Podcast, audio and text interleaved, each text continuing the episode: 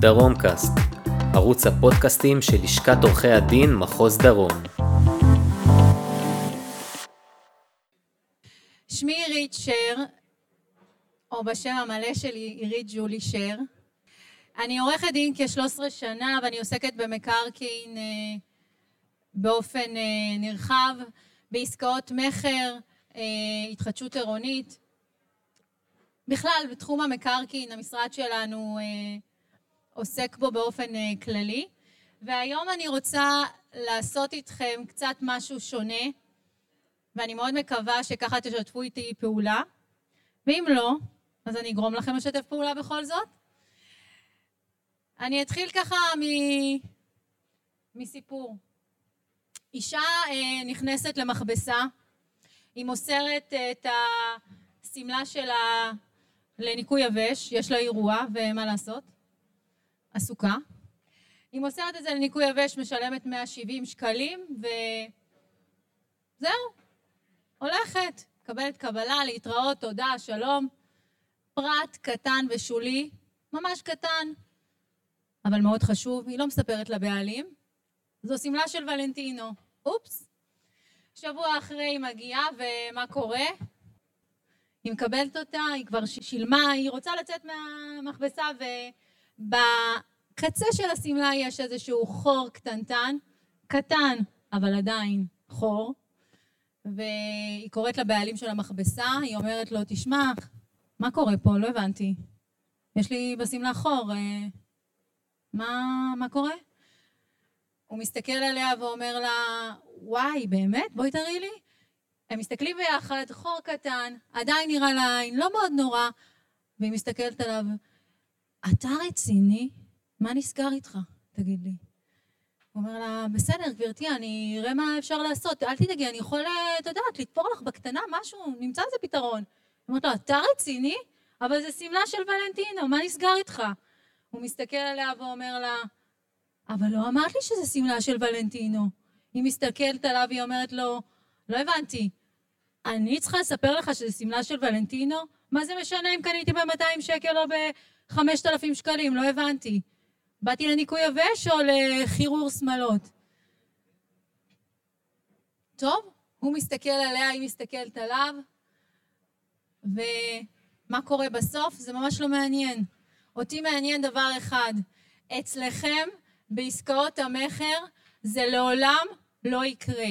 ולמה אני מתכוונת? אני רוצה שאתם תגיעו לפתרון כל בעיה מראש. אתם תדעו לפתור את הבעיה באמצעות הסכם המכר, אם יש לכם חור בשמלה של ולנטינו, או שזה שמלה של זרה, ומה קורה בכל סיטואציה ומצב נתון. וזה מה שבאמת מעניין אותי. אם אתם רוצים להפנים ולהבין שאתם אלה שאחראים על החוזה, ואתם אלה שתצטרכו לקלקל את הצעדים מה יקרה אם תתעורר בעיה. אם לא תעשו את זה, תמצאו את עצמכם בבעיה ממש כמו הבעלים של המכבסה. עכשיו, למה אני מספרת לכם את זה? אתם יודעים, אפשר לעבור איתכם על האויל הראשון והאויל השני ולחפור ולדבר, אבל בסוף אתם צריכים להבין שאת הלקוח שום דבר לא מעניין אותו. הוא רוצה שתציעו אותו מקו הזינוק ועד לסיום המרתון. לא מעניין אותו אם יהיה לו חור, אם הוא בכלל לא יודע מה השווי של הנכס שלו ואיזה נזקים אה, יכולים להתרחש באמצע התהליך, ולכן הוא לקח אתכם. עכשיו, מה קורה לנו, אנחנו עורכי הדין? מה, מה, מה קורה לנו? אנחנו הרי מבקשים, אנחנו רוצים לקוחות מצד אחד, אנחנו רוצים להתמקצע ב... עסקאות המכר שלנו, וזה לא רלוונטי אם זה יד שנייה או עסקאות מכר בומבסטיות, התחדשות, התחדשות עירונית, או אתם מייצגים קבלן. אתם הגעתם למקצוע כדי להרוויח כסף, נכון? עכשיו, מה הבעיה של עורכי דין, ואני אעשה איתכם עכשיו תרגיל מוטיבציה שלדעתי אף פעם לא עשו אותו בלשכת עורכי הדין. ולאחר מכן אני אכיר לכם את המם המחומש, בסדר? ואנחנו קצת נדבר על יזע בתחום של עסקאות מקרקעין. אז בואו נתחיל מעניין המוטיבציה. בואו אה, נשאל שאלה שאני ממש מבקשת לא לפחד לא מעין הרע ולא מאמונות מגבילות שונות. אני רוצה שכל אחד מכם שעושה מחזור של מיליון שקלים, שירים את היד. לא אמרתי רווח, מחזור של מיליון שקלים מעסקאות, רגע, מס הכנסה כבר יודע עליכם, אל תדאגו. כל מי שעושה מחזור של מיליון שקלים מעסקאות מכר, שירים את היד, הנה אני מרימה. אם לא הייתי מרימה, עדיף שלא הייתי עולה על הבמה. בואו נבדוק למה עורכי דין לא עושים מיליון שקלים בשנה. ואנחנו כבר, אני אבזבז לכם ממש חמש דקות, אבל הגעתם, ואז נחזור לחוזה.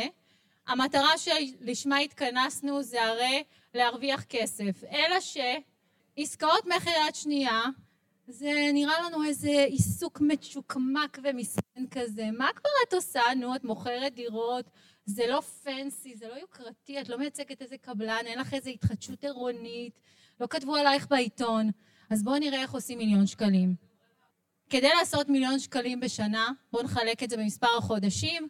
מתמטיקה ועורכי דין זה לא הולך ביחד, אבל בחישוב פשוט זה 83 אלף שקלים בחודש. בסדר? לא כזה big deal, לא בשמיים. אלא ש... תכף תגידו, טוב, אבל בואו נחלק את זה בשבועות. אז לכל שבוע את צריכה לעשות אה, 21 אלף שקלים בחודש, נכון? אנחנו כבר מכירות מקודם. אני מקווה שבשנה הבאה כן זה יקרה. אז בשבוע 21 אלף שקלים, ואז נחלק את זה ברבע אחוז שאמרתם, זה אומר שאוי ואבוי, עסקת מכר. אתם רציניים? כל יום עסקת מכר, איך תעשו את זה הרי? בארבעת אלפים שקלים, ארבעת אלפים מאתיים חמישים לעסקת מכר כל יום, זה נשמע לכם בלתי אפשרי, לא הגיוני. אלא שמה קורה כאן?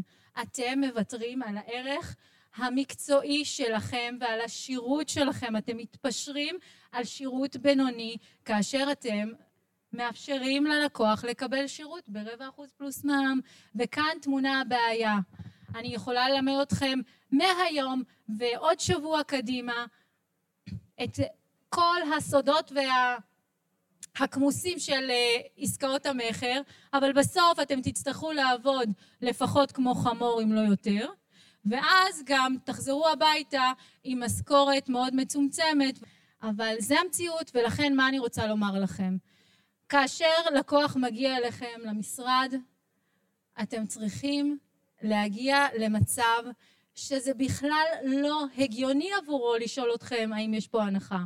לא מזמן היה לי איזשהו לקוח, ואחרי שסיימנו את השיחה והגענו לחתימה של הסכם שכר טרחה, ממש רגע לפני שהוא חותם הוא היה חייב לשאול את זה, כאן זה לא מקום שמקבלים בו הנחה, נכון? אמרתי, ממש לא, לא מקבלים בו. הוא הבין את זה לבד, ולמה? כי כאשר אתם יודעים לתמחר את עצמכם בצורה הנכונה, אתם גם מעניקים את השירות הנכון. ואתם לא יכולים להעניק את השירות הנכון אם אין לכם זמינות, אם אין לכם עובדים, אם אין לכם מנהלת משרד. אם אתם רוצים לעסוק בעסקאות מכר, אז אני רוצה להזכיר לכם שיש היום שוק רותח, ועל כל נכס שיוצא לשוק, יש לכם עוד קונה שרוצה להוסיף ללקוח שלכם עוד 20, עוד 30 אלף שקלים. ואם יש לכם לוחות זמנים צפופים ואתם צריכים לעשות עסקאות, אתם צריכים, סליחה, לעשות בדיקות מקדמיות, אין לכם ברירה אלא לעשות את זה. ואתם צריכים לעשות את זה בזריזות וביעילות, לפני שכל הדומינו נופל לכיוון הלא נכון. אז מה בעצם אני רוצה לומר לכם? שכל הידע הוא יפה וטוב, אבל הוא לא שווה הרבה אם לא תגבו כמו שצריך. ובטח שאתם לא עוזרים לתחרות הבריאה של הקולגות שלכם. ופה אני אסיים בעניין הזה. אנחנו גובים לפחות, לכל הפחות חצי אחוז פלוס מע"מ, יש עסקאות מורכבות, זה יכול להגיע גם לאחוז ולשניים. יש סטנדרט לדוגמה בירושלים שזה אחוז פלוס מע"מ.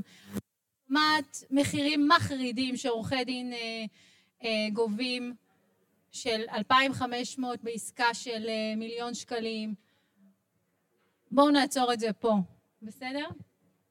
ומה אני רוצה לומר לכם? שבמקום לעשות חמש אה, חמש עסקאות בשבוע אתם יכולים פשוט לגבות שכר טרחה כמו שצריך ולעשות שתי עסקאות בשבוע ולהגיע למחזור שדיברתי עליו. מחזור של מיליון שקלים, עם כל הכבוד, זה נחמד, זה טוב ויפה, וזה בסוף לא הנטו שלכם. אז לא להתלהב, וזה צריך להיות אפשרי, וזה אפשרי ביותר. אמרתי לכם שנדבר קצת על המם המחומש. שימו לב במקרקעין, יש לכם איזושהי הזיה קטנה, הכל מתחיל במם. וזה אולי קצת יעזור לכם להתמקד בחוזה. יש לנו הרי מכר, יש לנו משכנתה, יש לנו מועדים, יש לנו מחיר ויש לנו מיסוי. שימו לב, אלו הפרמטרים החשובים ביותר שאתם צריכים להתעסק בחוזה. once ניסחתם לעצמכם חוזה שהוא ברמה טובה, השינויים יתחוללו בעניין המכר, שזה ההועיל הראשון בהסכם שצירפתי לכם, זה יתבטא במשכנתה, זה יתבטא במועדים ובמיסוי כמובן. יש לכם עדיין, הייתה לכם כאן מצגת נהדרת קודם, אבל אתם לא צריכים להיכנס לכל הדקויות אם אתם מכירים את החוזה שלכם היטב. כמובן שאני לא מתיימרת לומר לכם שאם אתם מייצגים קונה ואתם מקבלים אה, הסכם של הקולגה שלכם, אם לא תקראו כל מילה ומילה, אז אה, זה בשכם, כן? תכף עורך דין אה, אלי שטיינר יסביר לכם מה יקרה אם לא תקראו כל מילה ומילה, ואני, כמו שאמרתי, לא עלינו, לא מאחלת לכם. תכף ניכנס למם, המחומש הזה, ולפני כן אני רוצה קצת לדבר עוד פעם, אפרופו מוטיבציה. עורכי דין חושבים שהם נולדים עורכי דין, ויש להם בארסנל את כל הכלים, הידע, הזמן, המיומנות, וזה ממש לא ככה, זה משהו שנרכש, ולא צריך להיבהל, אוקיי? אם אתם רוצים, אם זה החלום שלכם, אם אתם רוצים להתעסק בעסקאות מכר, ולא משנה באיזה קונסטלציה, אתם צריכים להבין כמה דברים. יש איזשהו תהליך שאתם צריכים לעבור, והוא תהליך שאני קוראת לו יזע. הוא מורכב מיוד, ידע, זין זה הזמן, והעין זה העבודה, זה המיומנות שלכם. זה לא יקרה בין יום, זה לא יקרה בין לילה, ואתם צריכים פשוט להתמודד. אז אם אין לכם את הידע, לכו לקורסים, תלמדו, אל תתעצלו. ואם אין לכם את הזמן, אין דבר כזה, אוקיי? תפנו את הזמן, תלמדו, תעשו את זה. אתם צריכים לקחת פרק זמן וגם מיומנות, איזשהו עורך דין שילווה אתכם, אה, רואה חשבון שאתם תוכלו לחייג אליו אם אה, נתקעתם באיזה שאלת מיסוי, או אפילו עורך דין שמתעסק במיסוי בלבד. מישהו שיש לו את המיומנות ויוכל ללוות אתכם כדי להקנות לכם את הביטחון העצמי הזה. התחום שלנו הוא לא תחום שאנחנו נכנסים בדלת, דופקים, ושלום, תודה, ולמדנו את הכל. יום אחד, יום עיון אחד, בטח שלא מספיק, ולכן תתחילו לעבוד. תיכנסו לחיים האמיתיים, אבל כדי לא לעשות את הטעויות האלו, תדאגו להיות מלווים באנשי מקצוע טובים. ויש כאלה, יש עורכי דין שמוכנים לתת מעצמם, יש עורכי דין שיהיו מוכנים ללוות אתכם בתשלום, זה לא משנה, בסוף אתם תלמדו לשחות לבד. אז בואו נתחיל להתרכז ב... תפתחו בבקשה את ההסכם. שימו לב, המכר בדרך כלל יופיע לכם בהועיל הראשון להסכם. אתם יודעים איך זה עובד, הלקוח מגיע למשרד, אתם מדברים, יש איזה small talk, אולי אפילו הכנתם לו קפה, והוא יוצא מהמשרד ומתחילה העבודה האמיתית. אלא שאתם לא מפוקסים, לא שאלתם אותו את השאלות הנכונות. אתם לא יודעים באיזה קומה הדירה, אתם לא הבנתם אם יש לו יתרה לסילוק של משכנתה או אין לו. אז תכלס, מחר בבוקר הגיע לקוח, אז הוא מגיע ללורי והוא אומר לה, תשמעי לורי, יש לי דירה מדהימה, אני חייב לקנות, את יודעת, השוק במצב קיצון, אני רוצה לקנות אותה ותעשי לי את החוזה תוך 24 שעות. היא יושבת איתו, היא מדברת איתו, והוא מהסוג שלא מפסיק לדבר, והיא לא הפסיקה להקשיב, ואופס, הוא יצא מהמשרד, היא חייבת לחייג אליו לשאול אותו, תגיד לי, יש לך בכלל משכנתה? באיזה קומה הדירה? אז מה עושים? פשוט מתרכזים, אל תיתנו ללקוח להסיט אתכם משום מקום שאתם צריכים להיות בו. לא מהאתיקה המקצועית שלכם ולא מהפרטים המדויקים שאתם צריכים לקחת ממנו. אז מה עושים? פשוט מאוד, מכינים טופס שקוראים לו תעודת זהות של נכס. מה אנחנו עושים? אנחנו פשוט שואלים אותו, לוקחים ממנו קודם כל תעודת זהות, שואלים אותו באיזה קומה, איזה מספר דירה, מבקשים ממנו טופס ארנונה, האם יש לך משכנתה, כן, לא, שחור, שואלים את כל השאלות האלה, ואחר כך מדברים על כושר השטויות. אתם צריכים להבין שכשהלקוח יצא ממכם, הוא בכלל לא מודע לעצמו, הוא לא יודע שהוא בלבל את המוח, ואם אתם תתקשרו לשאול אותו, תגיד לי, באיזה קומה אתה... הדירה שלך? אז הוא יגיד, מה זה, הלורי הזאת היא בסדר בראש? לא הבנתי. חלילה, כן? מה אני באה לומר לכם? תהיו חדים, תהיו מפוקסים. תשאלו אותו מה מחיר התמורה, בכמה אתה רוצה לקנות, כן? דיברנו על קונה. אה, ובכמה משכנתה אתה רוצה ליטול. כמה הון עצמי יש לך. דברים פשוטים שעורכי דין לא עושים, ואז הם רוצים לנסח את החוזה או לשלוח הערות, ואין להם שמץ של מושג. כל חמש דקות מחייגים ללקוח. למה? לא הבנתי. למה? אז תדאגו לעשות את הדברים האלה. עכשיו, למה זה חשוב? אם לא תשאלו מתי הפינוי שלך, מתי אתה מתכוון לקבל את הדירה, אז uh, אתם לא תדעו להעיר לעורך דין השני. הוא ירשום לכם ראשון לתשיעי, ובכלל הלקוח שלכם בראשון לתשיעי 2022 ברחוב. מה הוא יעשה? ואתם לא תיקנתם את זה. ואני רוצה להגיד לכם שיש קטע מאוד מיוחד לישראלים שלא קורה לאמריקאים. תסמכו עליי, אני נשואה לאחד כזה. הם לא קוראים את החוזה. ואז יש לכם בעצם איזו חובה מוגברת להסביר להם מה קורה בתוך החוזה הזה, כן? הם חותמים עליו, ובכל מקום שתראה לו, תחתום פה ופה ופה, הוא יחתום לך, אבל בסוף הוא בכלל לא קורה. מה עושים? מה עושים, לורי? מה עושים? אז יפה מאוד. קודם כל, דבר ראשון, שואלים אותו את כל השאלות הנכונות ורושמים את זה. כי אם אתם עושים מחזור של מיליון שקלים, כי זה מה שאתם רוצים לעשות, יהיה לכם כל כך הרבה עסקאות שאין לכם מושג מי זה מה ולמה זה הוא, ולכן הכל צריך להיות רשום בדף מהודק, לפתוח תיק, לא להסתמך על הזיכרון. זה המכר, זה ההועיל הראשון. עכשיו, משהו מאוד מאוד נחמד שקרה לי שבוע שעבר, לא באמת, שלחה לי עורכת דין טיוטה, והרחוב של הדירה לא היה נכון. עכשיו, הגוש, חלקה, תת חלקה, הכל היה בסדר, והמספר של הרחוב היה שגוי. עכשיו, איך גיליתי את זה? הרי אני מייצגת את הקונה, אין לי שמץ של מושג, וגם הקונה בעצמו לא ממש בטוח באיזה רחוב הדירה ממוקמת.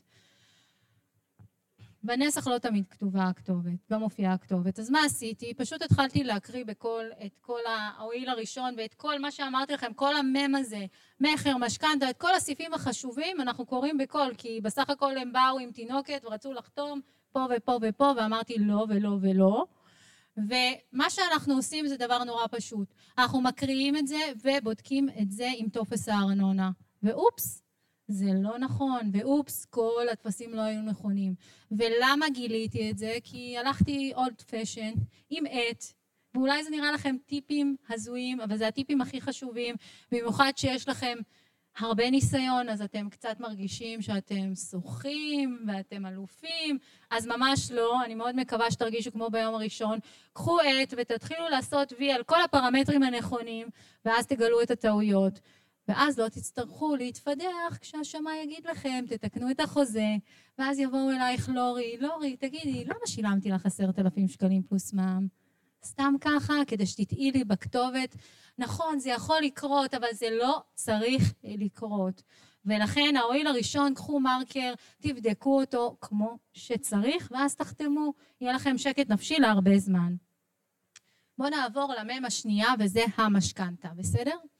המשכנתה היא חשובה באופן דו צדדי. אם אני מייצגת מוכר, והדירה שלי, נניח שהיא מיליון שקלים, נעשה את זה מספר עגול. המשכנתה עומדת, ראינו בנסח של דורין, היא לקחה, היא התפרעה, היא לקחה שתי משכנתאות על נכס אחד. שלוש משכנתאות, וואו. לא יודעת איפה היא קנתה, כנראה היא זאת שקונה את הוולנטינו. בכל מקרה, אה, המשכנתאות שלה עומדות על 870 אלף שקלים, וסך הכל נשאר לנו 130 אלף שקלים לתת לה. מה נעשה? מה, ניתן לה 130 אלף שקלים בחוזה, ואחר כך נכסה את המשכנתה שלה מהתשלומים של הקונה? נכון שזה לא הגיוני? נשמע לכם לא הגיוני, או שרק אני מדברת לעצמי? נשמע לא הגיוני, נכון? איפה העשרה אחוזים של הנאמנות לסוף? מה יקרה אם היא תחוב, אה, אם אה, בעצם יהיה לה חוב במיסוי? מה יקרה אם היא השאירה הצהרות וחובות בארנונה? אז שימו לב, אז אנחנו, נניח שלקחתי יתרה לסילוק ויש לה 870 אלף שקלים, בוודאות, בדקתי את זה. אז ה-130 אלף שקלים בוודאות לא ייכנסו לחשבון הבנק של דורין גם אחרי הערת אזהרה. אז שימו לב לדברים האלה, כאשר אתם מייצגים מוכר, האחריות עליכם, אל תגידו וואלה מה אכפת לי, נו, בעיה של העורך דין של הקונה, תאמינו לי שזה יתגלגל אליכם, בסדר?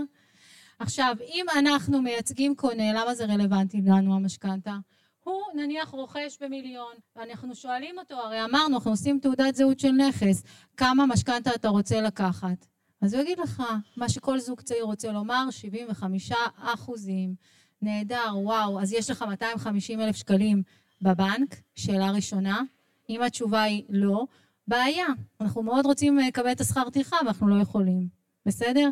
אז תכניסו לכם סעיף בשכר טרחה, בהסכם שכר טרחה, שאם עבדתם נורא קשה, אתם, אה, וגם לא נחתם הסכם, אתם מקבלים איזשהו שכר טרחה, אבל בטח שלא תהרסו ללקוח את החיים על חשבון זה שאתם רוצים להרוויח איזה כמה אגורות.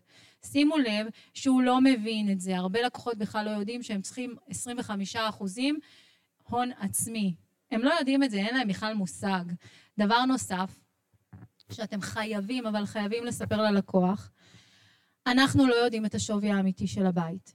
זה גם לא מעניין אותי. מה שמעניין אותי זה שהלקוח שלי, שאני אותו מייצגת, ובמקרה הזה הוא קונה, הוא יסיים את העסקה הזאת כמו שצריך ויקבל מפתח, ובמקרה הטוב, ולא חלילה יקבל תביעה. עכשיו, הרבה לקוחות ישראלים הם אה, רוצים, איך אומרים את זה? לזרום. בואו נזרום, בואו נראה מה השמאי ייתן לי, יעריך לי את הבית. עכשיו, זה בסדר לזרום, בעיה שלו, כמו שאומרים, עדיין, עדיין, בואו נברר שיש לו עוד קצת אקסטרה הון עצמי בצד, כי אם לא, ואם השמאי, כמו רוב השמאים של הבנקים, שמעריכים את הדירה טיפה פחות, 50-60 אלף שקל, לא אסון, אבל אם יש לו בדיוק רק 250 אלף שקלים על קשקש, אכלנו אותה. ואני אומרת לכם, גם אתם אכלתם אותה, כי הכאב ראש מתגלגל אליכם, ושוב לורי, למה שילמתי לך עשרת אלפים פלוס מה? בשביל מה? לא יכולת לשאול אותי את השאלה הזאת למען השם? אז שימו לב, אלו הדברים האמיתיים שקורים בחיים. תפתחו, תפקחו את העיניים, תשימו לב לדברים האלה. מועדים. זה בעצם לדעתי אחד הנושאים הכי קשים לתפעול, הרבה עסקאות מתפוצצות בגלל מועדים, וכל אחד רוצה למשוך לכיוון שלו. עכשיו, איפה הבעיה? אתם מכירים את אלה שרוצים עסקה זריזה ומהירה ועכשיו ומיד ומהר ועכשיו והרגע? והם גם רוצים לקחת 75% משכנתה ואני צריכה להביא להם שמאי ואני צריכה להחתים להם את הניירת ובלה בלה בלה ועוד אלף ואחת דברים. אבל הם רוצים את העסקה שהיא תתחיל ותסתיים תוך חודשיים, 60 ימים. והמוכר, מה אכפת לו בכלל מהקונה שלי? מה זה מעניין אותו? הוא רוצה תוך 60 יום, מה קרה לך? אני יודע לעשות משכנתה תוך חודש. אז תלך אליו. ואני רוצה להגיד לכם שכאשר למוכר יש משכנתה והקונה יחסה למוכר את המשכנתה, ייקח בעצם כמעט חודש למחוק את המשכנתה מהטאבו. אז איך בדיוק אני אעשה לך את כל המשכנתה הזאת תוך חודשיים ואת כל העסקה הזאת תוך 60 יום, כשבאמצע יש לך בכלל פסח, וכולם רוצים הרגע ועכשיו. תחשבו האם זה בכלל ישים. תחשבו אם אתם יכולים לעשות את זה, ואם לא, פשוט תגידו, חביבי, לא בבית ספרי. זה לא קורה. אני אומרת לך, לי יש את הידע, לי יש את הכלים, אני אנחה אותך ולא אתה תנחה אותי, וככה נמנע את הבעיה הזו.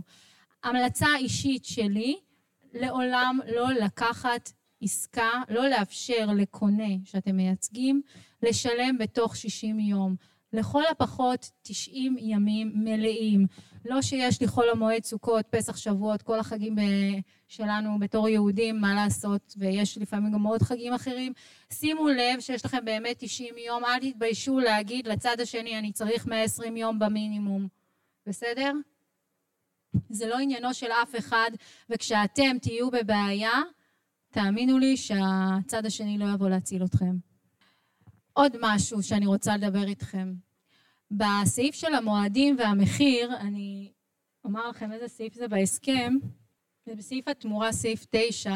אני רוצה להגיד לכם משהו שאולי הוא נשמע לכם עוד פעם כל כך טריוויאלי, אבל עורכי דין, שפרו הופעתכם. מספיק מהפדיחות. תמיד יש לנו מחיר במילים ויש לנו מחיר במספרים, נכון? לדוגמה, תמורת הדירה ומתקניה ישלם הקונה למוכר סך של מיליון מאתיים עשרים ושניים.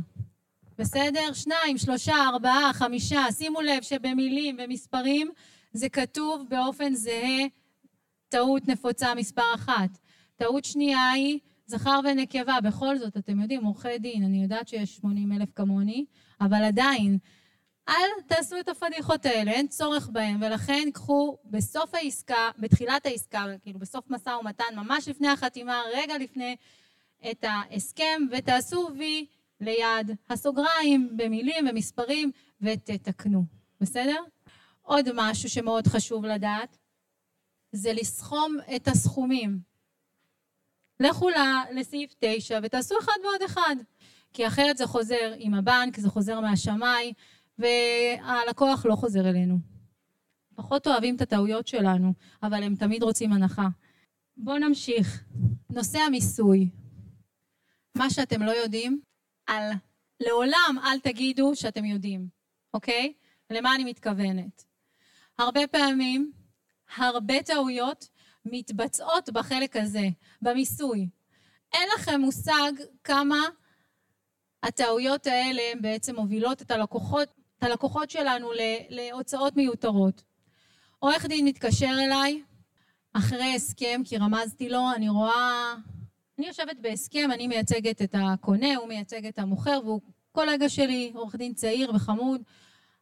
עד כאן הכל טוב, ואני קולטת שהוא מגיש להם 7,002, זאת אומרת שהוא הולך לחייב אותם במס, הוא הולך לעשות שומה עצמית, הוא הולך להגיש להם שובר לתשלום.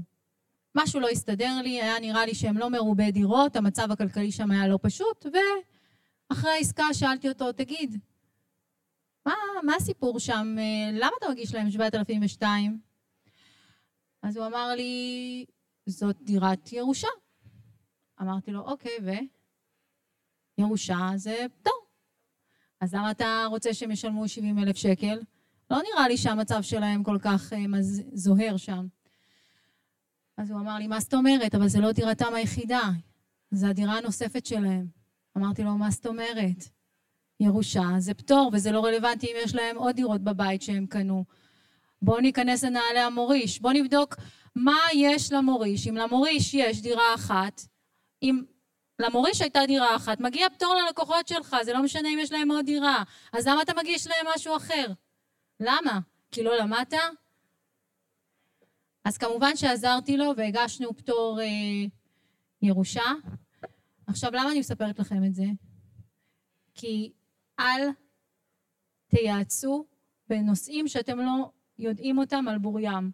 היה לכם פה את רואה חשבון שלמה הררי, אפשר לחייג עליו בתשלום, אפשר לחייג לעורכי דין אחרים בתשלום, אפשר לעשות קורסים של שישה חודשים שאפשר ללמוד כמו שצריך, ויש לכם מנטור מלווה, אתם יכולים לעשות כל כך הרבה דברים, וזה יעלה לכם הרבה פחות מ-70 אלף שקלים, ובטח מההשתתפות העצמית של הביטוח שלכם. אז תעצרו רגע, אתם לא יכולים לחתום על עסקה, על הסכם שכתוב בו שהמוכר הוא פטור ממס שבח, לפי סעיף 49ב2, ובכלל אין לו פטור. למה? כי לא קראתם את ההסכם. תעצרו את זה, אמרנו. תמיד תסתכלו, תחפשו בהסכם את המם הזה, את המיסוי, את המכר, את המועדים, את המשכנתה, ותתעכבו על כל הפרמטרים האלה. אל תעשו לנו בושות, בבקשה. בסדר? אז אה, עוד משהו שאני רוצה לבקש מכם. מי שלומד טוב ומצליח, חייב לעזור לאחר. חד משמעית. נכון? למה אני אומרת את זה? בעצם הצלחה שלכם זה הצלחה של כולנו. הצלחה של יחיד היא הצלחה, היא הצלחה שגודלת כאשר אתה נותן מעצמך. ולראות עורך דין צעיר שנופל על שטות, כן? ולא לעזור לו, ולא להציע, ולא לשאול, זה עוול, זה חבל. ויש איזו תחושה פה, אה, אני חושבת שקצת פחות במחוז, אבל יש לפעמים תחושה, לפחות לפני עשור הייתי מתקשרת לעורך דין בתל אביב, והייתי מרגישה, אוקיי, שלוש, שתיים, אחת, הוא הולך להתנשא עליי. היום זה קצת פחות, אבל עדיין אתם לא חייבים להשתייך לקבוצה הזו. כדאי שתעברו צד בנושא הזה, כן? בואו נמשיך הלאה. היום אני אתן לכם טיפ, זה לא כתוב בהסכם המכר הזה, ואני רוצה שתרשמו את זה, כי אני לא אשלח מייל בעניין הזה. יש מבנים מסוכנים ולא מעט מבנים מסוכנים, ולכן מה אנחנו הולכים לעשות? אני מייצגת קונה, אוקיי? וגם אם אתם מייצגים מוכר, אתם לא רוצים להיות קשורים לעסקה שהולכת להתפתח לאסון, ולכן מה נעשה? המוכר הולך לכסות את המשכנתה. יש תקופת ביניים שהמוכר כיסה את המשכנתה וביטל את ביטוח הדירה שלו ואת ביטוח המבנה. ואז, אופס, רעידת אדמה, אופס, מבנה מסוכן, אופס, לא יודעת מה קרה שם, התפוצץ, כל הדירה גמורה. מה, מה עושה הקונה?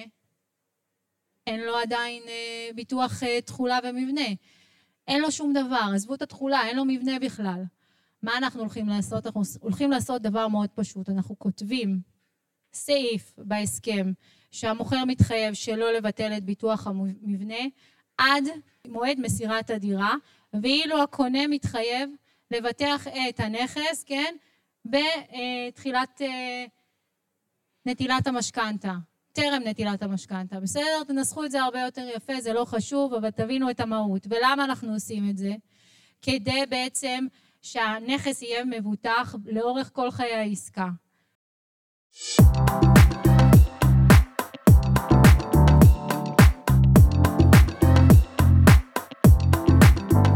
תודה שהאזנתם לדרום קאסט, ערוץ הפודקאסטים של לשכת עורכי הדין מחוז דרום.